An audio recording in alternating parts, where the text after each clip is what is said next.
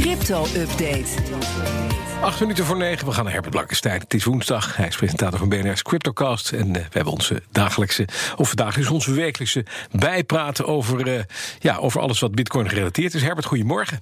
Hey, goedemorgen Bas. Ja, koers van de bitcoin is het gesprek van de dag, want die staat er eh, goed voor. Het stijgt een beetje, hè? Uh, zegt dat wel, uh, een procent of 50 bij gisteren. Op dit moment is het tussen de 13.600 en 13.700. Mhm. Dat is uh, vannacht even spannend of we het hoogste punt van vorig jaar zouden overtreffen. Ja. Um, wat was dat? ja, verschillende bronnen noemen verschillende waarden. De hoogste, hoogste waarde die ik kan vinden is 13.970 en de koers bleef vanmorgen steken op 13.865. Dus net 100 dollar tekort. Er zijn maar 38 dagen geweest in de hele geschiedenis dat bitcoin duurder was dan nu. Mm -hmm. Dus alleen wie op die dagen heeft gekocht staat nog in de min. En leuk om te noemen de MicroStrategy Tracker op Twitter. Die weet dat het bedrijf dat 425 miljoen in bitcoin heeft gestoken een paar weken geleden. Ja. Die staan nu op 88 miljoen winst, een procentje op 20. Dat is leuk, een. Oh, hadden we dat ook maar gedaan. Ja. ja. Het ene bedrijf naar het andere wordt trouwens bekeerd hè, voor, uh, voor crypto-munten. Vorige week PayPal, intussen ook JP Morgan. Ja, Amerikanen kunnen, dat was uh, het nieuws al een week oud, net na de vorige crypto-update kunnen nu geld van hun PayPal-rekening omzetten in PayPal Bitcoins. Ja. Maar die kunnen ze niet als Bitcoins versturen naar ergens anders. Ze kunnen wel direct van hun Bitcoin-rekening betalingen doen. Die komen dan als dollars aan bij de tegenpartij. Het is dus een beetje beperkt, maar wel een hele stap voor de bank die PayPal nou eenmaal is. En uh, de kans bestaat dat ze het volgend jaar ook nog uitrollen naar Ja. andere landen. En uh, ja, JP Morgan. In 2017 riep directeur Jamie Dimon nog dat hij iedereen zou ontslaan die zich met Bitcoin bezig Ja, dat kan me herinneren. Die was moordelijk gestegen, hè? ja, dat heeft hij in de tussentijd al een keer uh, genuanceerd. En nu publiceert Business Insider uit een notitie van de bank. waarin dan staat dat de koers van Bitcoin nog makkelijk kan verdubbelen of verdrievoudigen. Hm. En daarin staat zelfs ook het verhaal dat Bitcoin een digitale concurrent van goud is. Notabene, dat is een bekende riedel van Bitcoin-fans. Ja. En op basis daarvan zien ze voor de langere termijn als kansen voor een vertienvoudiging van de Bitcoinprijs. Mhm.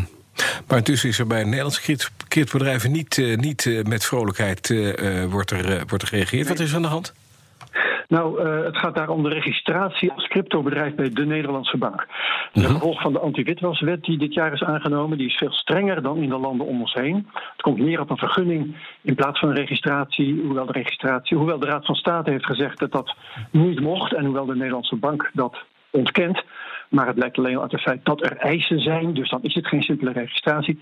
Nou ja, de Tweede Kamer heeft met algemene stemmen een motie aangenomen dat dit geen cryptobedrijven de kop mocht kosten. En toen dat toch gebeurde, toen zei minister Hoekstra, oh ja, pech gehad. Hm. Um, voor deze registratie hadden oorspronkelijk 75 bedrijven uit binnen- en buitenland interesse getoond. 27 zeiden uiteindelijk laat eigenlijk maar als het zo moet. Ja. 48 hebben die registratie aangevraagd. 10 daarvan hebben zich alweer teruggetrokken. Ik zie het spel van de 10 kleine negertjes. Mm -hmm.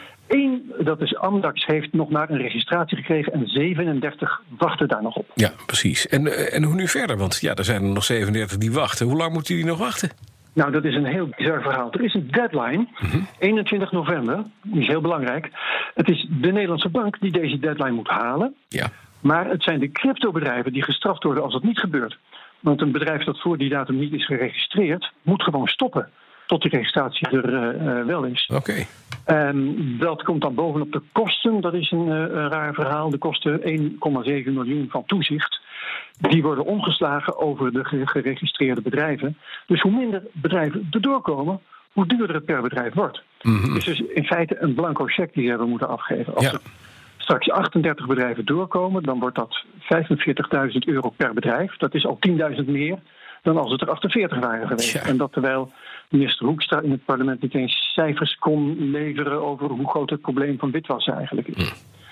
Um, ja, de vraag wordt wel eens gesteld: waarom komt er nooit eens een wereldspeler in de technologie uit Nederland? Nou, die wereldspeler die was er. Dat is Deribit, veruit de grootste Bitcoin futures beurs. Is honderden miljoenen waard. Dat bedrijf zit nu in Panama, want die hadden geen zin in dit gedoe. Nee, nee, precies. En uh, als straks mijn Bitcoin-wisselkantoor moet stoppen, dan, ja, dan moet ik naar een bedrijf in Duitsland of Zwitserland. Dus dan profiteert de fintech-sector van die landen. Ja, en niet in Nederland. Nou, wat zit er deze week in de CryptoCast? Wij hebben Martijn Jeroen van der Linden. Hij is lector New Finance aan de Haagse Hogeschool. Hij onderzoekt aan de TU Delft ontwerpcriteria voor een stabieler financieel systeem. En daar gaan we het met hem over hebben. Hoe een minder crisisgevoelig financieel systeem eruit zou moeten zien. En wat crypto daarbij zou kunnen betekenen. Hij wil onder andere, let op, het geld weghalen bij de banken. Mm Wat dat precies gaat inhouden, dat hoor je morgen eind van de middag. Dankjewel, Herbert Blankenstein. Alle afleveringen van de Cryptocast te beluisteren via de BNR-app, bnr.nl of je favoriete podcast.